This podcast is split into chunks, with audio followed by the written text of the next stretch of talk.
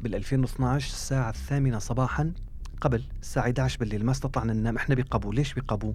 لأنه أنت شايف الشباك شايف نمر السيارات. مكتوب عليها الشرطة بالأخضر. في وحدة من السيارات ظلت شغالة كل الليل. ما بعرف ليش بس استطعنا أخيرا أنه ننام. الساعة 8 إلا 5 صاح أول تفجير لفرع فلسطين.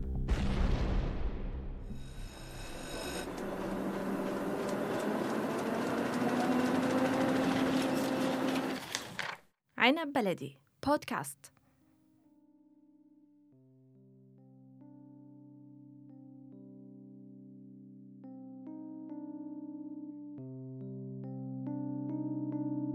إلى العاصمة دمشق يلي يمكن ما حدا بسوريا ما زارها أو اضطر أنه يزورها بسبب مركزية الحكم. الكل في له ذكريات مع الشام بس الأسوأ حظا هن يلي عرفوها من خلال فروع الأمن. تخيل عم تروح على مدينة بقلب بلدك وتكون أول ذكريات فيها إلك كتير من الألم والخوف كتير من المجهول والغربة. أكيد حنية الشام يلي بيحكوا عنها أهلها ما رح يكون في إلها وجود ولا أثر عند شاب مثل هيثم ضيفنا بمواطن سوري لليوم يلي ضل 64 يوم بالمعتقل بسبب أنه طالب بحقه وما سنده بهالأيام الطويلة هي غير الحب. معكم مواطن سوري من عنب بلدي بودكاست وأنا يامن المغربي.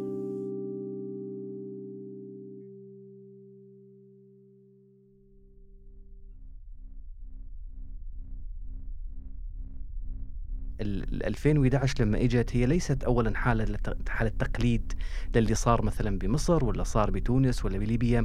هذا الشغف كان موجود أساسا وكانت العالم عايشته وخصوصا إنه في بعائلتي يعني حدا كان معتقل سياسي سابق لمدة تقريبا 11 سنة من أحداث تدمر كان بسجن تدمر بأحداث الثمانينات وبعد. فبالتالي يعني آه انت ربيت مع هذا الظلم وعايشت هذا الظلم وشفت يعني عايشت بطريقة أو بأخرى مبدأ عدم تكافؤ الفرص. اللي صار آه لما بدأنا بصراحة آه بأول آه بأول مظاهرة وهي من الأشياء اللي ما تنتسى أبدا بلشت التنسيقيات وبلش ينشط الفيسبوك بهذلك الوقت فصاروا آه، يحطوا على الصفحات إنه التجمع بالمكان الفلاني الساعة الفلانية إحنا رايحين باتجاه إنه تطلع مظاهرة وكانت للمطالبة أكيد بحقوقنا والهتاف الأشهر إنه يا درعا حنا معك إلى الموت. وفعلا هذا اللي حدث صارت المظاهرة. هون أنت كنت أمام فعلا فاصل آه، أخلاقي. تختار الأخلاق ولا العاطفة؟ وخصوصا إنه أنت تعرف إنه هذا الطريق طويل إلى حد ما. طويل وما مبين آخره. فأنت كنت أمام خيارين. إما إنك تنخرط في الحراك أو إنك تختار لحالك سبيل ثاني. يعني كانت الخيارات متاحة بإنك تروح على مناطق أكثر استقرارا على سبيل المثال. للأمانة اخترت الجانب الآخر. وانخرطنا في الحراك. وبقي الحراك مستمر.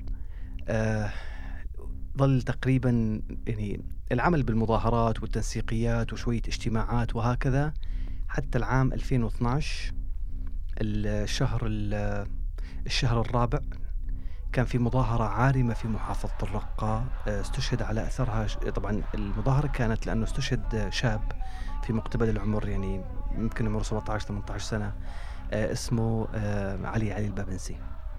انخرط بال... كان أطول بث مباشر استمر البث المباشر بمحافظة الرقة 24 ساعة وظلت المظاهرة تقريبا لحتى شيعوا جثمان وظلت المظاهرة يوم كامل العالم نامت عند أهل أهل الشهيد. طبعا كنا أكيد متواجدين به بهذا الحدث. بعدها بكم يوم آه تلقى خالي تحديدا آه تليفون أنه أنا خبروني الأمن العسكري بدهم آه ابني وبدهم هيثم. وأنا اللي راح أخذهم معي. فالفكرة هي سؤال وجواب. الحالة الأولى للأمانة لأي عاشق هو مباشرة أنا تواصلت مع اللي هي زوجتي حاليا. تواصلت معاها أنه أنا آه أنا رايح وغالبا هي سؤال وجواب. أنا فرمتت موبايلي وإن شاء الله ما أطول يعني بس أشوف هم ليش طالبيني. يعني أكيد في في خطأ معين. طبعا محاولة للتطمينات كانت للأمانة داعم هائل لإلي. وفعلا فرمت الموبايل ورحت مع خالي وابنه. طبعا هون بلشت بلشت فعليا القصة تروى. دخلنا على على الأمن العسكري في محافظة الرقه كان باستقبالنا المساعد أول يدعى أبو جاسم. آه، اللي صار إنه فتنا ور- ورحب واهل وسهل وكأنه الموضوع أقل من عادي جايينه زيارة. فالتفت على خالي وقال له خلاص تقدر تتفضل إحنا بس نخلص إن شاء الله إحنا راح نطلع لك إياهم ونوصل لك إياهم للبيت. طبعا كانت آه، هي المرة الأولى بحياتي اللي أتعرض أنا لهيك شيء وكان كان يعني كان في توتر هائل ما ممكن إنك تضبط أعصابك. لكن الأشياء اللي ما أنساها هو هذا الحوار اللي تم بيني وبين أبو جاسم. طبعا أنا كنت آه، على الديوانة هو على المكتب ورا مكتبه هو آه، يعني حاط على قناة الجزيرة ويقلب بهدوء وعم يحكي. خبرني عنك. اسمي كذا و... وأدرس كذا وأنا موظف. كم مظاهرة طلعت؟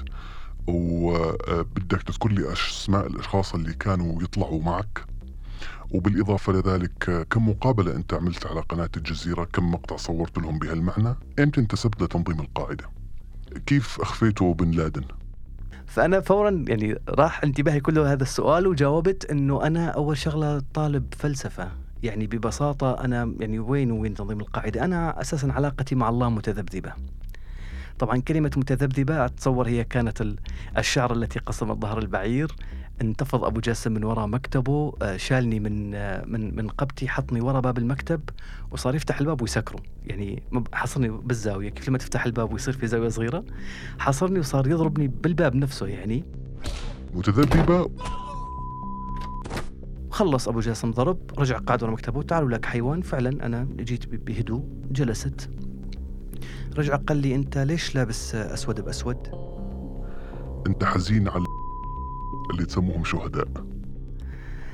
قلت له أنا أول شغلة يعني بحكم عمري وبعدين والدي توفى من من سنتين فأنا صرت أبتعد شوي عن الألوان المبهرجة. يبدو كمان كلمة مبهرجة هي اللي شوي أثارت. كأنه كأنه حس إنه نعم نعم كأني عم بتفزلق عليه أو بهالمعنى بالحرف يعني. استشاط فعليا غضبا وصار الضرب يعني بشي بعرفه وشي ما بعرفه. بمكتب أبو جاسم. هو على أساس يعني فنجان قهوة ورايحين يعني. بس يبدو أكرمنا زيادة عن اللزوم.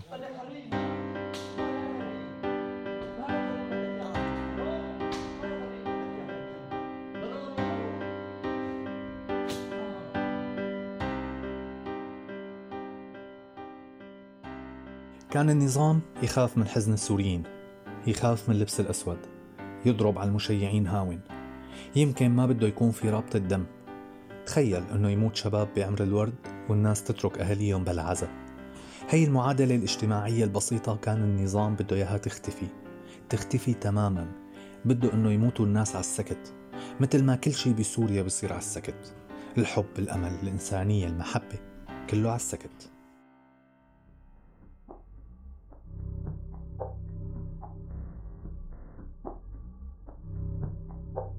في بجزداني حوالة ب- بعيد ميلاد زوجتي حاليا بعثت لها مجموعة كتب لدان براون حقيقة الخديعة وملائكة وشياطين. ففي حوالة مكتوب قال لي أنت شو باعث على سلمية على قمر؟ قلت له اسمها قمر أولا وبعدين هي زميلتي بالجامعة وأنا ببساطة بعثت لها شوية كتب. قال لي عدل لي شو هي الكتب. فقلت له يعني حقيقة الخديعة وملائكة وشياطين. قال لي آه عبدة شيطان يعني. طبعا. أنا هون لا طبعا أكيد ما فينك تضحك. يعني ببساطة بعد بعد كل الضرب اللي أكلته. وهذا يبين لك يعني قدرتك على ضبط أعصابك. كل اللي استطعت إني أبتسم. طبعا يعني هو في وادي والكتاب في وادي يعني الحدث كله غير مترابط منطقيا أساسا يعني. أه، وفعليا رن الجرس اجى قال له تعال يا ابني والله اجى ابنه قال له نزلوا لتحت اعطوه اللازم. يعني بمعنى أدبوه يعني. ودخلوني على طبعا لما طالعني من مكتبه طمشني. أنا كل القتل اللي أكلته كنت شايف. أبو جاسم وواعي لل- للضرب اللي عم آكله. لما أخذني هذا ال- الرجل الثاني طمش عيوني عند أبو جاسم ونزلني باتجاه ال- نزلنا درج واحد أعتقد. دخلني على الغرفة. أه، أعتقد هم كانوا اثنين لأنه كان واحد يضرب من ورا وواحد من الأمام. أكيد كمان ضربوني يعني. أه، عروني من ثيابي كاملا. نزل واطلع حركتين أمان. أه، أعطوني أنا آسف لللفظ بس مشان للأمانة يعني. ظليت بس بالبوكسر بعد ما خلصوا تفتيشي أعطوني البوكسر بس وأخذوني بعدين على المنفردة.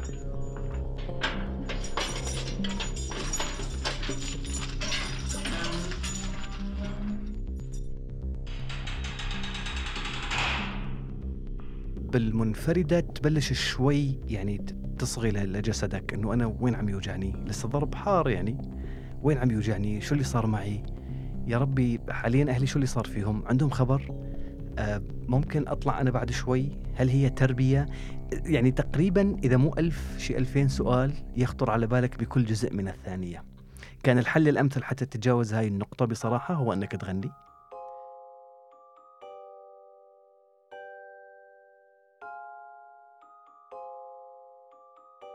حاولت أستذكر أي أغنية تخطر على بالي وفعلا غنيت شوي. طبعا غنيت بصوت منخفض لأنه أكيد ما فيني بهيك جو إني بس عم حاول أطمن نفسي. بعد شوي اجى فعلا زدت لي ثيابي وكانت سعادتي عارمة لأنه الشهر الرابع ترى كان فيه لسه شوية برد يعني ما كان كثير صيف. تفيد شوي بعدين أخذني وحطني بال- بالجماعية. بالجماعية تعرفت على لقطيت طبعا وجدت ابن خالي قبلي ماكل نفس ال... نفس الضرب تماما نفس التحقيق ومحتفلين فينا الشباب. ظلينا بالأمن العسكري لمدة سبعة أيام بالضبط أسبوع. صفونا بعدين صاحوا لنا بالاسم إحنا انبسطنا لأنه فعليا إحنا نعرف من المعتقلين السابقين إنه تتحول أنت على السجن بعدين على المحكمة. رحنا باتجاه خلص إنه الأمور بخير يعني. وكلبشونا طمشونا وهي أماناتكم أول شيء شوفونا إياها بعدين طمشونا وكلبشونا بعدين طلعونا بالسيارات.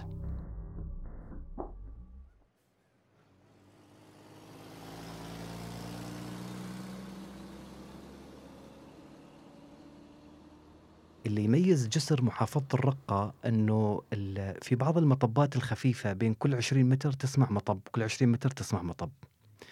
فأقنعنا نفسنا أنه هذا هو الطريق رايح على السجن ماخذينه على السجن المركزي. مع الأسف طول طريق السجن المركزي. حاولنا شوي نرفع راسنا بطريقة أو بأخرى حتى نشوف حالنا وين رايحين. ما ما استطعنا. بعد ما وصلنا على فرع ما نعرفه طال الطريق جدا. واستقبلونا بنفس الاستقبال شلاح ثيابك اعمل حركتين الأمان اللي هي قرفصة واقفا. وفي صفين يستقبلوك. يعني تاكل ضرب وأنت ماشي بهذا الممر لحد ما توصل. تدخل أيضا على غرفة يبلش يسألك ويزتك. لما يزتك هون زتونا عاد بالجماعية. حتى سألنا العالم يا جماعة إحنا وين؟ قالوا أنتم بالمخابرات العسكرية بدير الزور.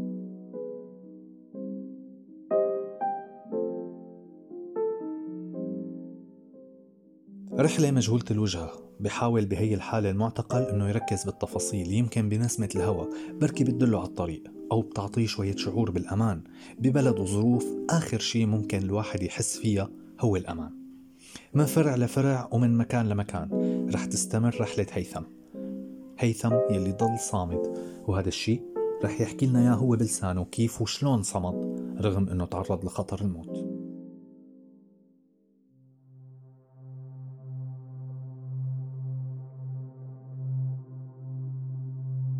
استطاع خالي بطريقة أو بأخرى أنه آه، يوصل لنا على الشرطة العسكرية. لكن قبل ما يوصلنا خالي اللي صار صاحوا على الأسماء بالليل مشان ثاني يوم يتم الترحيل. بلشوا تقريبا كنا شي 200 بني آدم. جماعة دير الزور وجماعة حلب وجماعة حمص وصاح صاح صاح الأسماء. بقي إحنا خمسة اللي طلعنا من الرقة. آه، مين ما طلع اسمه؟ والله أنا أكبرهم فرفعت إيدي وقفت قلت له إحنا سيدي ما طلع اسمنا. قال إيه إيه أنتم جماعة فرع فلسطين. أيوة. أه لحد الآن أنا والله ما بعرف شو هو فرع فلسطين. أيمت أنا عرفت أنه إحنا رايحين على على جهنم لأنه كل الموجودين صاحوا بنفس الصوت يا محمد. عرفت؟ فأنت هون يعني أنت بتلتفت على العالم أنه شو شو عم يحكي شو فرع فلسطين؟ وين هذا يصير؟ هيك للمسويات كان استطاع خالي بطريقة أو بأخرى أنه يجي هو ومرت خالي كونه ابنهم معي وجابوا أمي معاهم. فأول ما شفت أمي آه، خبرتها أنه يعني ما أعتذر بس إحنا شكلنا رايحين على فرع فلسطين وأنا ما بعرف شو هذا الفرع. اللي صار يا صديقي أنه والدتي فعليا آه، مشكورة جدا. شجعتني وقالت يا ابني طبيعي يعني العالم ال- البسيطين العاديين بدهم يرجعونهم بس أنتم يعني كونوا مثقفين يخافون منكم شوي فما تخاف يعني. إن شاء الله هي فترة وتعدي يعني. للأمانة كان أكثر كلام مطمئن أسمعه بحياتي بهذا الموقف يعني. وأعتقد هي من الأشياء اللي خلتني آه، أنجو بالإضافة لأني كنت آه، كنت عاشق فكان عندي دائما أمل بالخروج حتى أرجع مرة أخرى. أحد الأجمل الأشياء اللي اللي تصير بالسجن هي أنك تكتب بورق القصدير. فكتبت بكل بكل حب سجاني لم يكن يعلم أن ارتسام عينيك على جدران زنزانتي هو سر صمودي. فكان كل ما يعني ضيقوا علينا أكثر كل ما لجأت. كل ما لجأت لذاكرتك حتى تحاول إنك تنجو بطريقة أو بأخرى.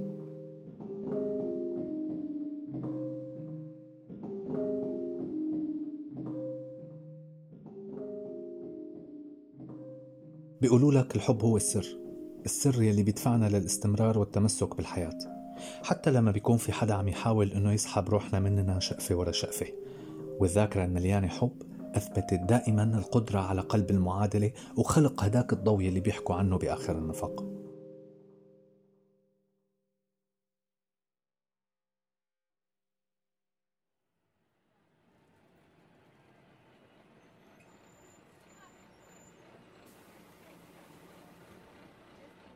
جابوا لنا الباصات الصبح و...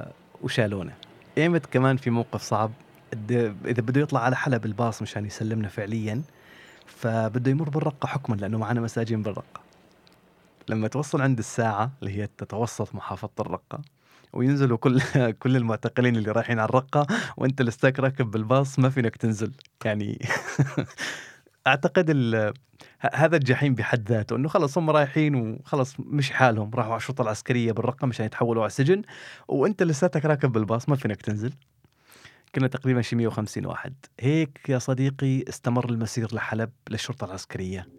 أعطونا لجماعة حلب مرة أخرى وقاموا بالواجب جماعة الشرطة العسكرية. أنا ما أعرف ليش الشرطة العسكرية كانت تضربنا؟ يعني فعليا إحنا اسمنا أمانات. بس ليش كانت الشرطة العسكرية تتدخل بضربنا؟ ما أعرف. يبدو يبدو إنه في اتفاق مجمل يعني. معنا شاب الله يجزاه الخير آه، علمنا طريقة أخرى. لليوم أنا ما بعرف شو هي. قال إذا حدا سألكم أنتم شو آه، قول أنا شاهد مكلف. شو شاهد مكلف؟ أنا ما بعرف لليوم للأمانة. بس أنا خلص شاهد مكلف يجيبونك موجودا مشان تشهد. على الأقل أحسن من كلمة تظاهر يعني. فعلا أعطونا لجماعة آه، حلب ضلينا أسبوع زمان بعدين شالونا ودونا على حمص. على السجن البولوني بحمص كان أحد أسوأ أنواع السجون اللي ممكن تمر فيها. في ضرب هائل في ذل ما طبيعي يعني يعني أكثر شيء أنا ممكن أعرفه من السجن البولوني هو ركبي لأنه بدك أنت تجلس وتحط راسك بين ركبك بحيث أنه أنت ممنوع ترفع راسك تحت أي ظرف كان حتى إذا ضربت. وزعونا على زنزانات ما يصير تحكي. على الزنزانات تشوف أشخاص مصلوبين كونه آه، آخر متر منها فعليا هو آه، شبك بس والباقي كله حديد صب من تحت.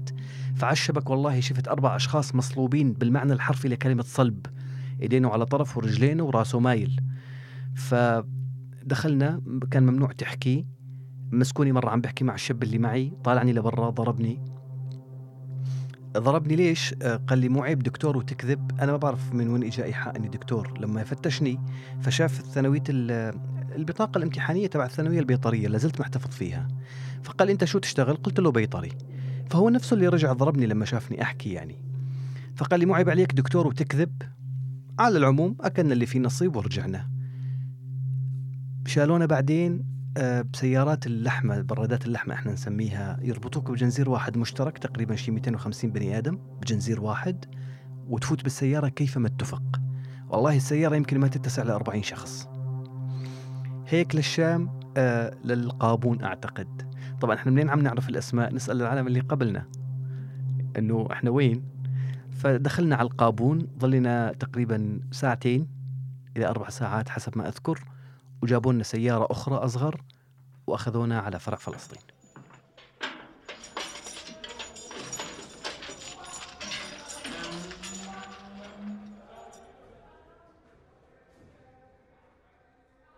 استقبلنا أحدهم استقبال جيد هادئ جدا. تعال يا ابني والله اجينا إحنا أبناء وإحنا خمسة أبناء دفعة واحدة يعني نفس الملف حطونا.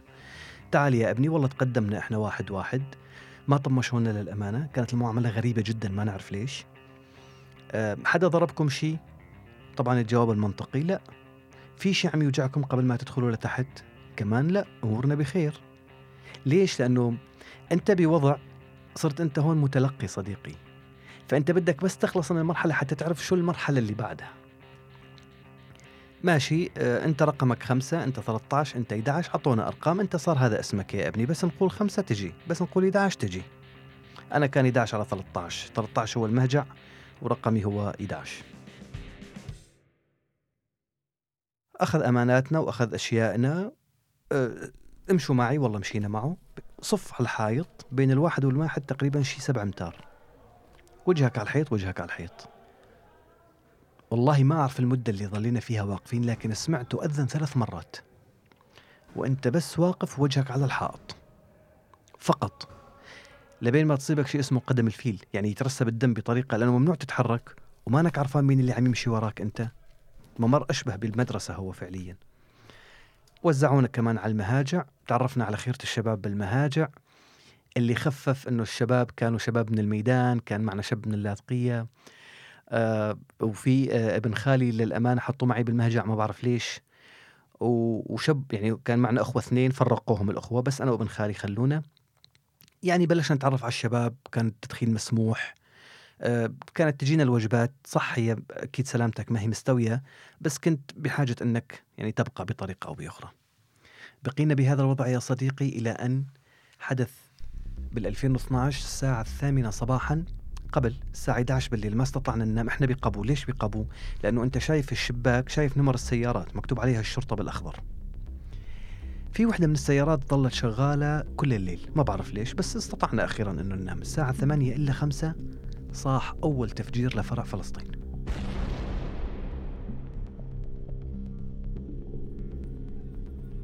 فجر فرع فلسطين وإحنا متواجدين بالقبو. طارت إحدى السيارات ودخلت كونه إحنا بقبو فهي بس اخترقت الشباك ودخلت الطبلون كامل الأمامي. بعد خمس دقائق طبعا غبرة وتراب وصراخ. خمس دقائق أخرى صار التفجير الثاني. تفجير فرع فلسطين تم على مرحلتين مو مرحلة واحدة. بدل نسمع صوت العالم صارت العالم تصيح الله أكبر بلشت العالم تكبر. معنا شاب من دير الزور من القورية صار يغني أغنية الأغنية اللي اللي طلعت على أيام صدام هاي رجال الحق ها دقوهم دق فاحتفل الزلمة يعني. وفعلا إجوا علينا شوية معتقلين وكسروا علينا الباب وطلعنا. بين التفجيرين إحنا للأمانة خفنا إنه هي خلص هي تصفية للمعتقلين فأخذنا زاويه بحيث إنه ما حدا فينا يوصلنا إذا فتحوا علينا الطاقة. كان من المتوقع السيناريو. طبعا هو ما درامي بس أنت بوضع ممكن تتوقع كل شيء. توقعنا أنه ممكن حدا يفوت يرش وخلص هذول ماتوا بالتفجير وانتهت القصة يعني. إيه فأخذنا زاوية بحيث أنه حتى إذا فتح الطاقة ما بإمكانه يوصلنا خصوصا كون الحمامات كانت معنا بنفس المهجع أه بعد خمس دقائق صار التفجير الثاني بلشت المعتقلين تجينا. وجدنا سجان واحد فقط كان اسمه أبو علي هو الوحيد المتبقي بالفرع. ما في ولا عسكري آخر غير أبو علي. وأبو علي صار يقول إيه إيه معلش يلا كبروا كبروا معلش إيه عادي عادي كبروا. والعالم عم تصيح الله أكبر. وانتشرنا بالممرات وبلشنا ندخن. حاولنا نطلع لبرا. للأمانة كان في طوق أمني رهيب جدا. بس استطعنا نشوف جزء من الناس اللي إجت تتفرج على التفجير. وكانت هي أول مرة نشوف فيها كائن بشري من خارج المعتقل. فأخذنا وقتنا وإحنا صافنين بالعالم يعني إلى أن الطوق الأمني بلش يضيق ورجعونا كلياتنا لتحت. حاولنا نشيل عالم لبرا المصاب اللي فساعدنا شوي بنقل المصابين. للأمانة التقيت بحدا كانت إصابته جدا جدا بشعة جدا. آه عينه عينه اليمين كان مكانها في رقعة لأنه ما له عين ورجله فيها صياخ تثبيت خارجي. يعني صيخين وفي عضاده بالنص لكن التثبيت كان خارجي. حملناه أنا وابن خالي للأمانة وطلعناه برا للدفاع للهلال الأحمر أعتقد نعم. إيه الهلال الأحمر. وبعدين دخلوا شبوا صبية علينا تحت على القبو يعني وبلشوا يسألوا إذا في حدا مصاب أو شيء. تقريبا بعد أربع ساعات آه، جابوا حزاقات النايلون وصاروا يضبونا بشكل عشوائي كل اثنين بحزاقة عبونا بباصات صغيرة ميكروباص. هيك لحد لحد ما وصلنا على محل. ما بنعرف المحل وين. لحتى وصلنا لحتى أكيد العالم قالت إن إحنا صرنا بفرع الدوريات. وين فرع الدوريات؟ والله للان ما أعرفه. فرع الدوريات والله كنا تقريبا 76 شخص بغرفة لا تتجاوز ثلاث أمتار بثلاث أمتار. 76 بني آدم. حتى كان معنا السيد معاذ الخطيب بنفس الزنزانة التقينا. كان معنا آه، أكثر أكثر من من يعني بعد أربعة أيام من فرع الدوريات صارت العالم تتخذ ما راح نسميها شلل لكن الجلسات تكون منفصلة إلى حد ما. جماعة الشام يقعدوا مع بعض جماعة حلب مع بعض تعرف يعني هذا ال- الترتيب. آه، فقرروا أنه شوي يعني يريحوا العالم فأخذوا الختيرية كلهم على مكان وجابوا من المكان المقابل له الشباب. فصاروا الشباب تقريبا الأعمار المتوسطة بغرفة والختيرية بغرفة أريح شوي يعني والمصابين لحالهم بغرفة. كان معهم صديقي عبد الله شام كانت إصابته جدا بالغة يعني. آه، بظهره طار عليه باب حديد. ظلينا هيك تقريبا شي عشرة أيام أعتقد نعم. إيه إلى أن صلحوا تقريبا 40% من فرع فلسطين. يعني مثلا ما عاد في آه، مي على سبيل المثال. رجعوا رجعونا على فرع فلسطين بشكل بشكل عشوائي. لا عاد في لا زنزانات ولا دنيا. خلص أنتم فوتوا على المهجع هذا أنتم فوتوا على المهجع هذا وهذا بهالشكل.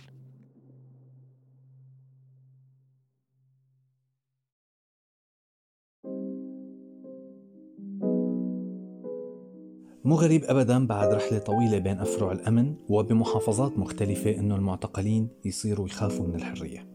العذاب يلي تعودوا عليه أهون 100 مرة من المجهول يلي برا. ومواجهة الجلادين وهن خايفين. أسوأ بألف مرة من مواجهتهم وهن بكامل السلطة. لأنه وقتها ما حدا بيعرف شو اللي ممكن يطلع منهم.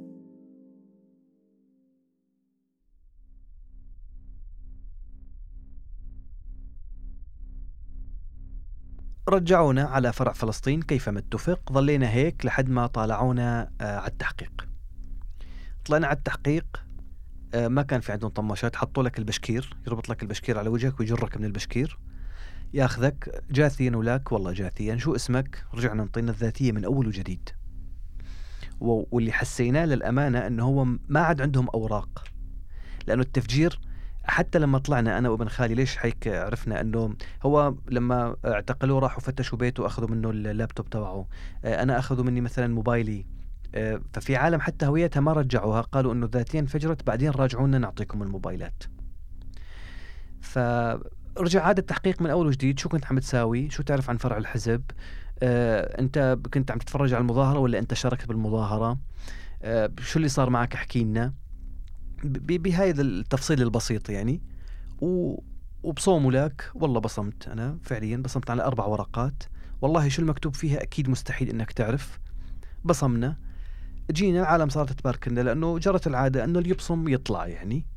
فيعني ها أوشكنا شوي. تروحنا كما يقولوا بلهجتنا انه ردت لنا الروح شوي.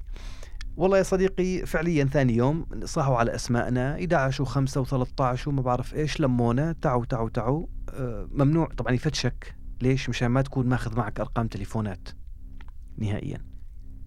آه، كان في معنا شاب صغير بالعمر من الميدان. هو فعليا ما طول وكان متوقع إنه هو أول واحد يطلع. فعنده عنده كل يوم بالليل آه، تسميع. تسميع ليش هو؟ لأرقامنا يا صديقي.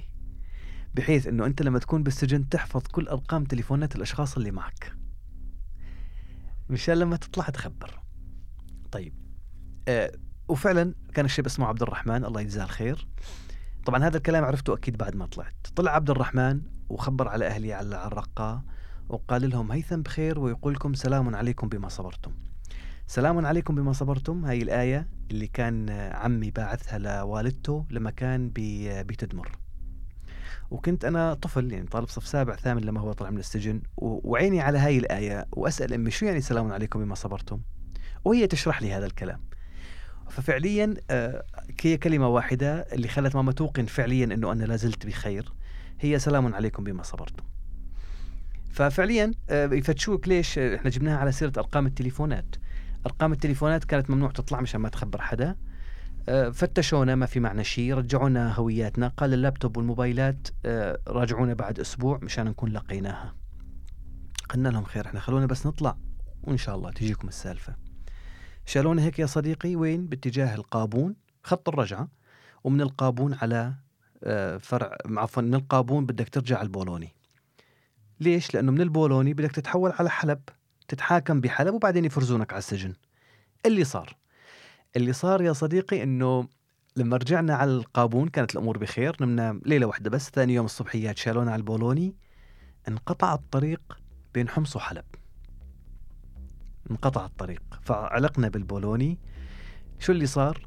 رجعونا على دمشق أعطونا للمخابرات الجوية اللي نقلتنا بالطيارة لحلب. بالطيارة انكسر أنفي. بالطيارة طبعا أنت لما يطالعك من السيارة مشان ما تشوف يحط مؤخرة السيارة على باب الطيارة. هي طيارة شحن. آه، يقلب الكنزة ويحطها على على عيونك ويشلفك. يستقبلك واحد آخر يشيلك ويربط لك الحزام. طبعا هي ممر يعني هي مو كراسي طيارة هي طيارة شحن بالنهاية. فهو عبارة عن ممر وفي صفين متقابلين فقط. كرفتونا فوق بعض وشدوا لنا الحزام وصار أحدهم يجي يسألك شنو تهمتك؟ شنو تهمتك؟ شنو تهمتك؟ طبعا آه، اللي جنبي قال شاهد مكلف واللي قبله قال شاهد مكلف. فيعني كان من غير المنطقي للأمانة. شعرت بالحرج إني أقول إنه أنا شاهد مكلف. ما بعرف بس هي شغلة تخليهم ما يضربوك. وكأنه يعني يمكن الشاهد المكلف هو اللي يجيبوه موجودا مشان يشهد بقضية معينة. فأنا ببراءة يعني كنت قلت له أنا والله كنت عم بتفرج على مظاهرة بس.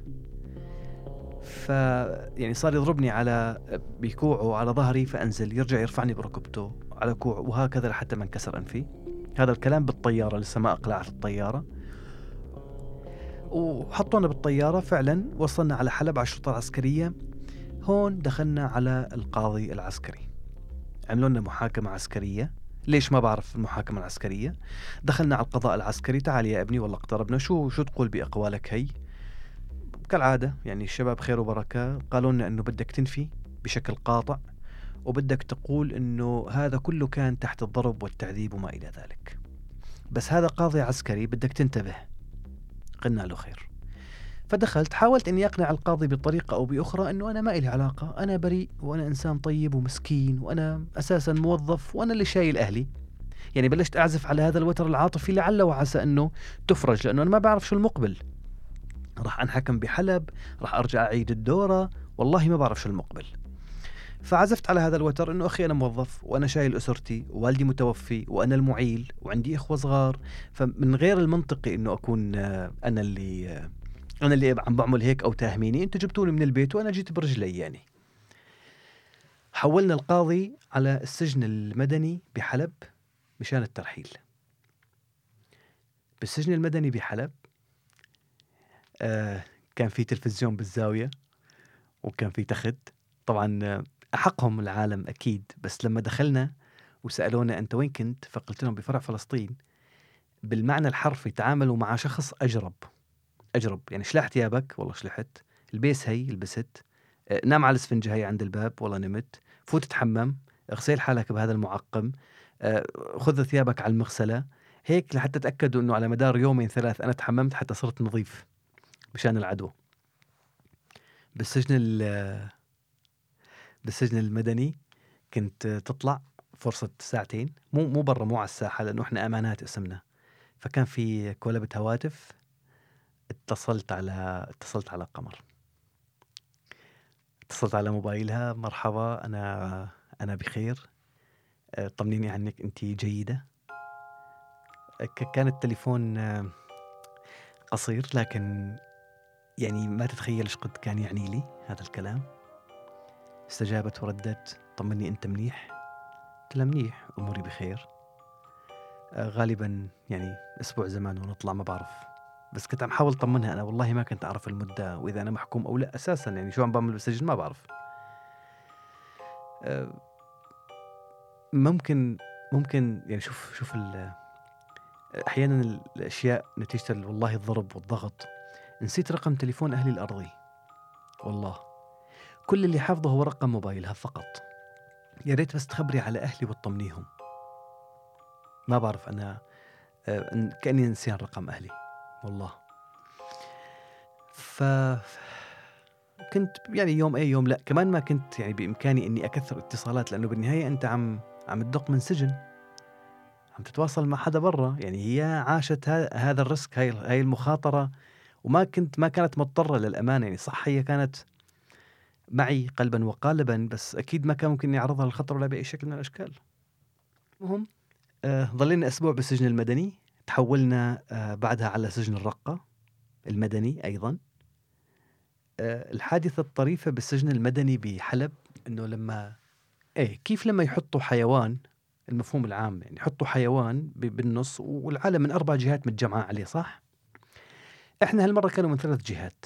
شو المكان اللي حطونا فيه؟ والله ما بعرف. أول ما وصلنا على السجن المركزي بحلب حطونا بهذا القفص. وبلشت تجينا عالم شي نعرفها وشي ما نعرفها أنتو شو؟ أنتو شو؟ أنتو شو عم تعملوا هون؟ أنتو من وين جايين؟ فمدنيين. يعني شباب مدنيين باينين مساجين مثلنا مثلهم يعني. بس إحنا كنا بظرف يعني بدك تجاوب قلنا لهم خيو إحنا متظاهرين. للأمانة أحد الشباب كان جدا جدا سعيد وأهل ورحب وراح جاب سندويشات وأنتوا أبطال وأنتوا ما بعرف شو عملتوا وأنتوا مين كان هذا الشخص والله ما بعرفه. وحاول شوي إنه يقول لا تخافوا ترى هون مدني واللي يحكي معاكم أنتم قادرين تضربوه بطريقة أو بأخرى تخيل يعني. كان عم يحاول يشجعنا به- بهي الطريقة يعني.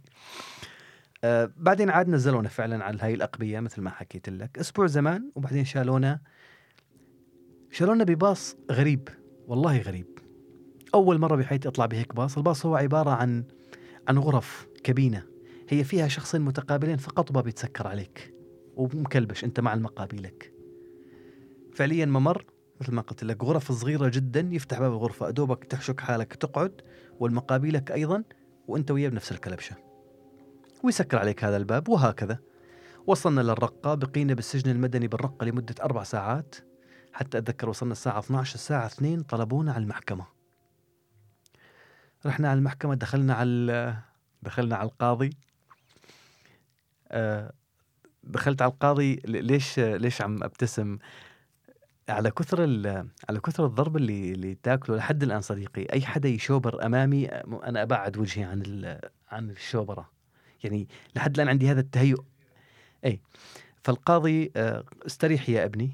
والله استرحت مقابله في كرسي وقاضي مدني يعني. حط إيدك على القرآن. فحطيت إيدي على القرآن اجى القاضي وقف. فعلى وقفة القاضي أنا كنت تارك شايل إيدي عن القرآن ورايح باتجاه يعني واقف ورا الكرسي. يعني صرت أنا مباشرة ورا الكرسي ر- كرد فعل يعني وماسك بالكرسي. ليش شبك يا ابني؟ ليش يعني ليش خايف يعني؟ ما هنا ما عاد حدا بي حدا يضربك. استريح.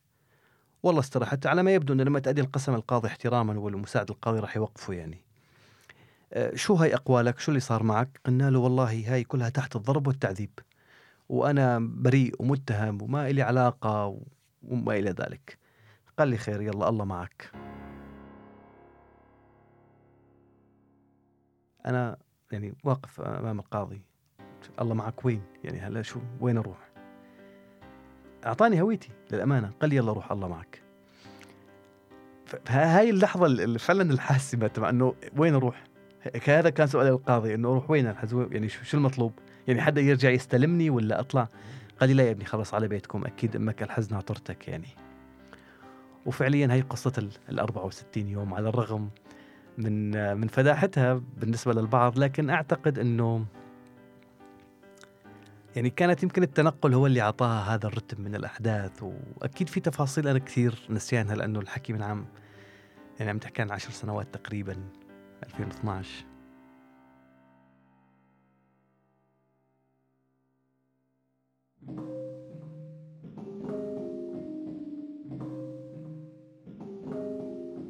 دعم الناس لبعضهم قد ما كان بسيط كان وما زال بيفرق. المساعدة يلي بتهدي القلب بتطمن إنه الحياة ممكن تكون طبيعية مرة تانية. لما بيتوصف المعتقل أو المعتقلة بإنهم ناجين بيتخيل الواحد إنه خلص الحكاية خلصت. بس يمكن صار لازم نستخدم مصطلحات جديدة. خلينا نقول مثلا على قيد النجاة لأنه لسه ما نجا ولأنه لسه في كتير قصص لمواطنة أو مواطن سوري ما انحكت ولا تسكر الجرح. كان معكم مواطن سوري من عنب بلدي بودكاست وأنا يامن المغربي.